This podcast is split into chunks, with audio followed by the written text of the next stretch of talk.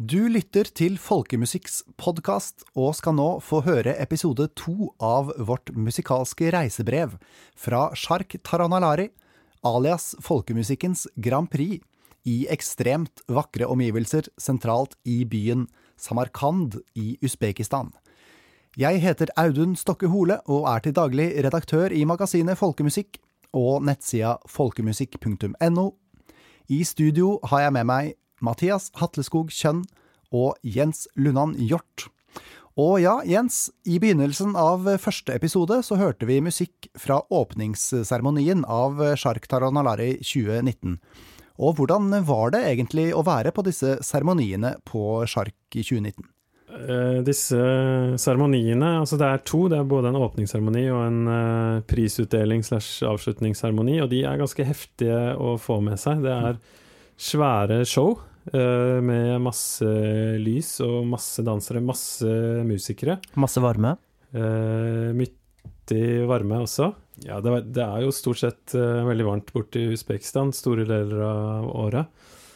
Ja, jeg tror vi må si at det var over 100 musikere på scenen der, eh, og over 100 dansere. Stylter innimellom skal det danses på. Eh, og det er liksom folkemusikk i en litt sånn kabaret-variant eh, som, som, løper gjennom her. Slørdans og eh, sånn koordinerte grupper og eh, sånn fargerik eh, bonanza nasjonalromantisk folklore av et kaliber som eh, man må kunne si er eh, ikke helt på moten i nordeuropeisk folkemusikk og folkedans. Og når det blir skikkelig stemning, så reiser vi oss fra stolene våre og danser da, for fullt kamera. Eh, en annen ting som skjer i åpningsseremonien, er at selveste Shavkat Mirzojojev, altså Usbekistans president, i egne person, møter opp og holder sin tale. Den blir eh, oversatt til engelsk, avsnitt for avsnitt. Eh, og så kommer eh, sjefen i Unesco også og holder sin tale. Og der er det De ligner ganske mye på hverandre, disse to talene. Det syns jeg er litt morsomt. ja, det er mye sånn forherligelse av uh folkemusikk og lokal kultur og verdien av uh, utveksling osv. osv. Lite innstikk er jo også til dere hjemme som uh, nyter godt av uh, www og YouTube-entusiasme. Uh, dra og sjekk ut den offisielle promovideoen for Shark Taronalari med presidenten. Det er noe heftig opplegg, altså. Ja, Der kan vi kanskje finne frem en link og legge på nettsida di, Audun? Det skal vi, Jens. Folkemusikk.no. Lyd og bilete heter kategorien, hvor jeg har lagt ut en artikkel der alle navn, norske som usbekiske, og på diverse andre språk vi er innom i løpet av disse sendingene. Eh, når det gjelder eh, avslutningsseremonien, så er det mer eh, på samme måte. Så, så får man et show med med kabaret og dans og stylter og så videre. Men også kulminerer det da i en premieutdeling. Eh, og da har jo eh, disse syv jurymedlemmene konferert seg imellom, valgt ut eh, noen vinnere i forskjellige kategorier. Man blir ikke sånn kjemperik av disse pengene, men det er stor stas, da. 10 000 dollar, tror jeg det er. 10 000 dollar kan, kan være noe sånt som er liksom toppremien. Nemlig. Og så en rekke mindre premier og utmerkelser. Ja. Min store sorg var jo at uh, vi ble kasta inn i en uh, minibuss, tatt med til uh, togstasjonen, sånn i nidraget. Så vi gikk jo glipp av den avslutningsseremonien denne gangen. Men dere to har jo vært der og dansa dere svette og trette for et par år sia. Ja, for to år siden så fikk Jens og jeg med oss avslutningsfesten også, med en fantastisk middagsbankett og avslutningskonsert, hvor annet det legendariske usbekiske folkemusikkinspirerte poprockbandet Jalla. Jalla spilte på avslutningsseremonien sist, ja. Stemmer det. Og noen andre band som jeg ikke husker hva heter. Ja. Men Jalla, Nei, men Jalla kan vi godt beskrive som Usbekistans Beatles, da, som har vært liksom det store bandet i, i mange tiår. Altså det tilbake på 90-, og 80- og 70- og 60-tallet. Jepp. De var eh, store i det gamle Sovjet også. Vi skal snakke litt om den akademiske konferansedelen også av eh, Melodi Grand Prix Shark Taranalari, og om makam-musikken, som er eh, sentral i denne delen av verden. Men aller først, Mathias, så skal vi høre musikk som for så vidt også er fra denne delen av verden, nemlig Iran. Ja, det er gruppa Harai Ladies Ensemble med låta Lilu Shamshir. Eh, Riktignok ikke Makam, men eh, helsikes flott eh, lell. Er ladies.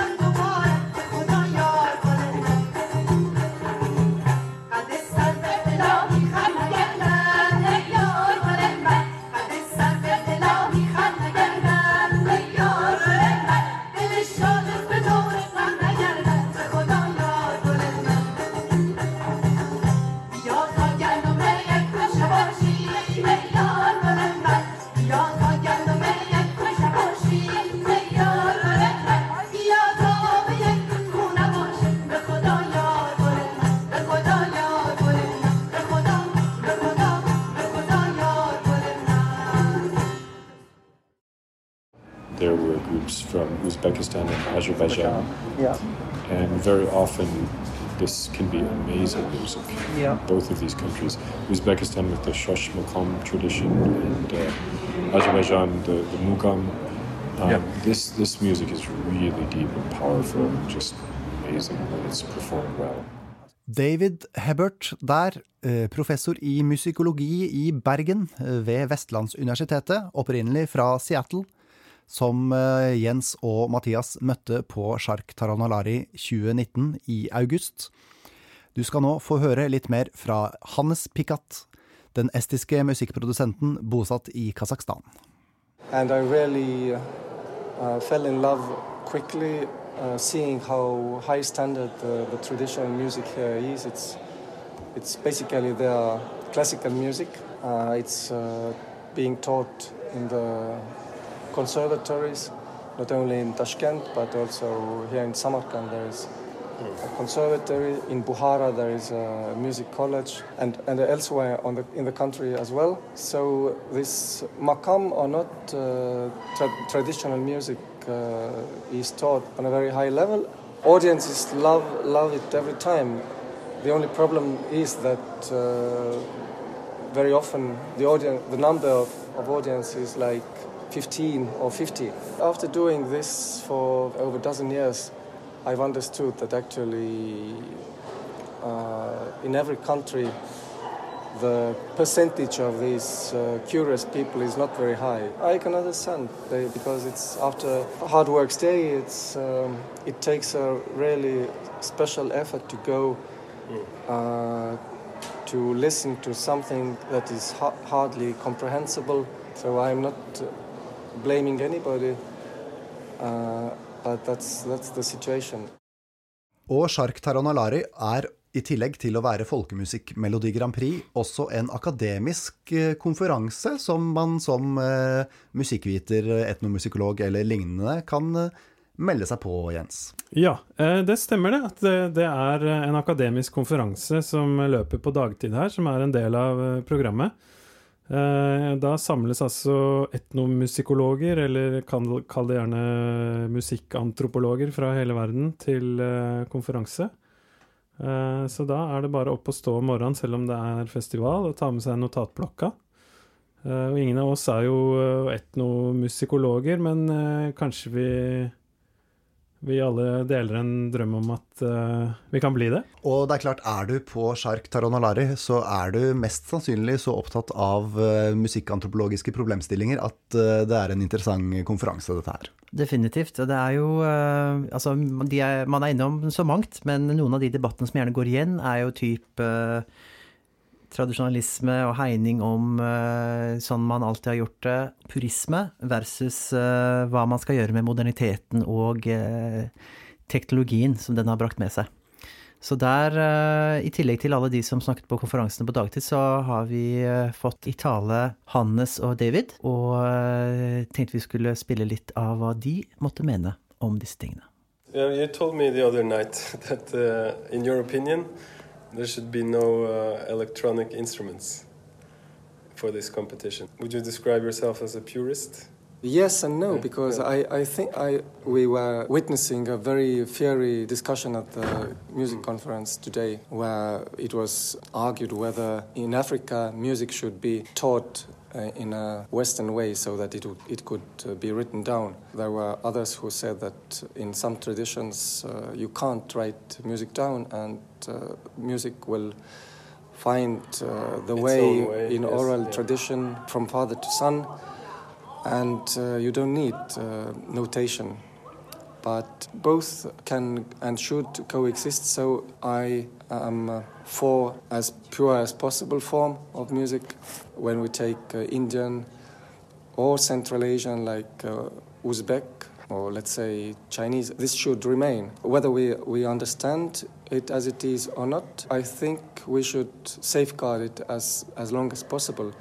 But from the other side, I'm a very adventurous person in all ways, uh, uh, including musically, so I welcome very much all kinds of uh, musical mutations and, uh, and electronics. Uh, well, we all love wow pedal or looping or whatever. Uh, one of my favorite styles is actually avant-garde rock, which fuses everything. And in, in world music, I have nothing against uh, electric instruments, but if you take in Indian tradition, I, I am very sad to see on stage some uh, electric synthesizer instead of acoustic uh, organ manipulated by, Mm. by hand for, for creating this maybe more limited sound, but, but it's natural. Because, as I said, uh, it's just for me kind of ugly to see a synthesizer in between all these uh, beautiful traditional instruments or even cellos or contrabasses.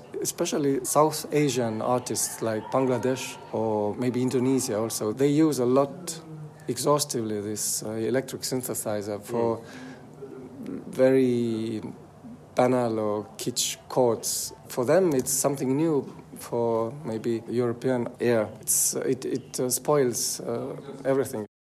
I think the danger is that if, if people are not aware, or you know, if they don't recognize the dangers of um, of either doing nothing in response to the new technologies, or um, in a way being kind of technophobic, Ja. Um, that uh, it can actually ultimately have a very destructive effect. And, and I think it's necessary to try to encourage musicians and music scholars to to see the positive side of the technology and to uh, encourage students, especially to to think about how can we use it in a good way for the betterment of society and future musicianship and so on, um, rather than this kind of passive stance where there isn't much we can do and just you know it's it's going to be happening anyway. Things will be digitized and Ja. um, instead of that, I think um, it's important, for instance, to promote things like open public uh, digital archives, where um, we're encouraging people to make as many recordings, video, sound recordings as possible of all the music that's out there, and making it be archived where it's publicly accessible. Because one of the great advantages of the technological situation now is that we don't have any excuses for any kind of music to ever completely disappear now. Ja, det er jo stas å være deltaker på denne konferansen. Innimellom så kjeder man seg kanskje litt, særlig når de snakker på russisk eller usbekisk, og man får en litt sånn heseblesende spontanoversetting i, i øret, og sliter litt med å henge med hva de egentlig preiker om. Mer ord og mindre mening innimellom. Ja, ikke sant? Eh, Men til gjengjeld da, så er ikke dette akkurat sånn som andre akademiske konferanser. eh, Fordi plutselig så smeller man til med et eller annet audioklipp eller videoklipp eh, av det man har forsket på, liksom noe Hva heter det borte i Indonesia? eh, Gamelan? Gamelan, liksom noe gamelan-klipp eller noe koreanske eh, tradisjoner på video, eller eller plutselig så, så begynner man å spille eller synge sjøl, midt i foredraget sitt. Eh, så det er mye gøy der. Det er ganske heftig det også, faktisk. Så det er eh, ganske flott. Man kan på kveldstid eh, få med seg en masse folkemusikk fra all verdens tradisjoner, og så på dagtid så får man en masse interessante diskusjoner rundt eh, den samme musikken. Så det er eh, kjempeartig. Og det er, det er først her egentlig at vi ser noe, noe form for debatt, uh, egentlig. Altså fordi det er jo veldig mye det går an å, uh, å si seg enig om. Uh, og når vi hører på Usbekistans president og, og lederen for Unesco, så høres de ganske like ut. Og det er veldig lett å liksom si at ja, kulturell utveksling er bra, eh, ta vare på kulturelle tradisjoner er bra og sånt, men Eh, på denne konferansen så aner man noen sånne uenigheter, da, altså som særlig går på eh, moderne tider. Altså hvordan, hvordan skal man hegne om folketradisjonene i, i the age of YouTube Mm. og så. Og der er det mange som er, har en litt sånn engstelig holdning, da. At, Mm. Eh, Det ligner litt på, egentlig på den diskusjonen man har i musikklivet ellers òg, om de som mener at liksom digitaliseringen har rasert ja, det, det, er alltid den noen skumle nye ting som kommer. plattformen Ja. som var, kontra de som sier at den har revolusjonert uh, hele på fremstillingen og formidlingen. Ja. Jepp. Dette er en debatt eh, som eh, sikkert kommer til å holde på eh, så lenge det arrangeres Sjark Taranalari i Usbekistan. Ja, og så virker det som at folkemusikken klarer seg ganske bra der borte, da. Uh, at det, liksom de har uh, De har noe sånt som Sjark Taronalari, og de har liksom svære utdanninger på dette her. Liksom akademier og konservatorier og, og så videre. Så på en måte så er det litt sånn absurd å komme dit og liksom bli helt sånn marinert i folkemusikk. eh, Og møte folk som da er veldig bekymret for folkemusikkens fremtid. Uh, mens når jeg da kommer hjem, så ser jeg jo ikke folkemusikk rundt meg i det hele tatt. Uh, med, med mindre jeg liksom Oppsøker den. oppsøker den. Jeg tar en telefon til Stokke Hole og, og hører hva, hva som har skjedd i det siste. Hva skjer med folkemusikken når den settes opp på en gigantisk scene og blir folklore? Pidestall. Og sette opp på en pidestall? Eh, Det kan man spørre seg. Man kan også spørre hva det gjør med den at det ikke skjer i det hele tatt, som i Norge. Mm. Eksisterer litt på sida av eh, resten, mens det her er selve festen. Og med dette bevingede ordspillet fra Mathias, så skal vi ta en låt som skriver seg inn i den mangslungne makam-tradisjonen i denne delen av verden. Hva er det vi skal få høre, Mathias? Du, det er ensemble Naksh fra Usbekistan, og de spiller en kurdisk tradisjonslåt.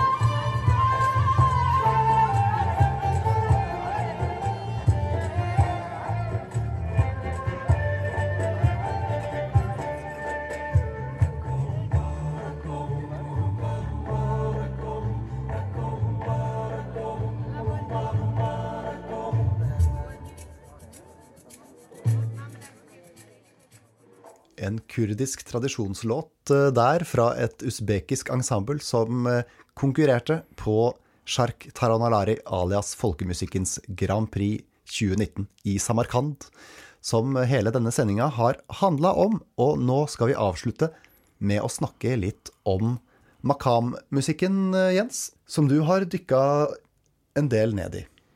Jeg har prøvd litt, altså. Det er jo eh, den dominerende folkemusikksjangeren i Sentral-Asia.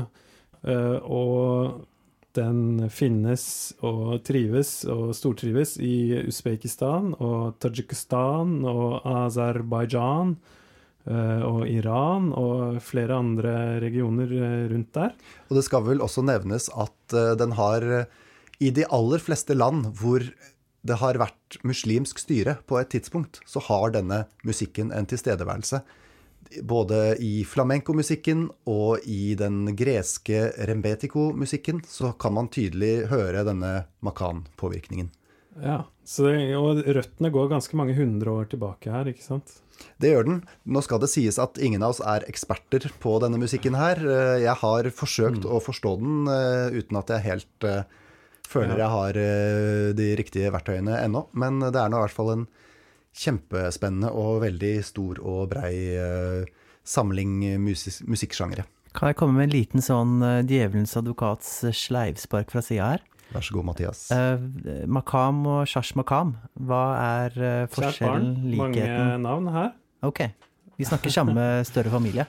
Ja, det er nok en større familie, og det er liksom eh, Det er det samme kjerneordet her. Altså det liksom I eh, Aserbajdsjan heter det mugam.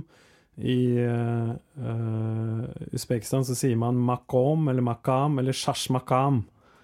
Det vet du hva, hva betyr, Audun? Ja, shash, er ikke det tallet seks? Ja. Seks eh, som da Altså makam, shash makam er jo da de seks modi man snakker om en mod, musikalsk modus, som er en måte å bygge opp en uh, låt på. Jeg tror ofte man har en grunnmelodi, og så er enhver låt varianter av dette uh, temaet, denne grunnmelodien. Uh, og videre så, så, kan man jo nevne Alim Kasimov, som er liksom posterboyen som har blitt løftet frem de siste 20 årene for denne sjangeren. Han er aserbajdsjansk. Han vant uh, Shark Taronalari uh, den tredje gangen den ble avholdt. Og han spilte på Oslo World uh, for to-tre år siden. Nemlig. Så her i Norge er det også mulig å høre makam-musikk flere steder. En sjelden gang. En ja. sjelden gang, det er sant. Uh, Oftere noen steder enn andre, naturligvis. Men, Men hvordan skal vi beskrive denne sjangeren? Åssen er det høres ut? Det er veldig uh, intens og lidenskapelig uh, vokal. Uh, I hvert fall for en som ikke kan så mye om det, så var det det første som slo meg.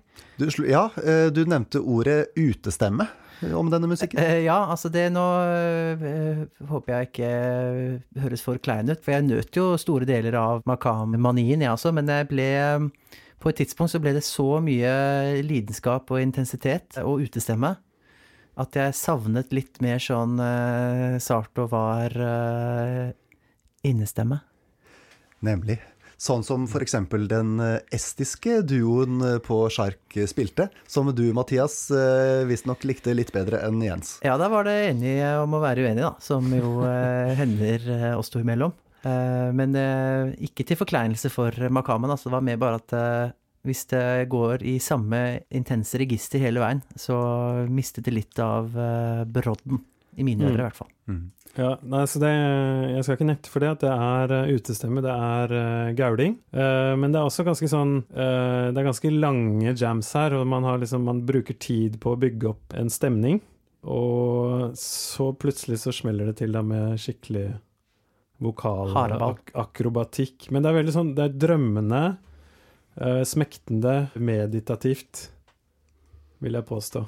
Vi skal rappe opp denne utestemmeproblematikken med et lite klipp til ifra åpningsseremonien av Shark Taronalari 2019. Og etter det så avslutter vi denne podkasten fra magasinet Folkemusikk.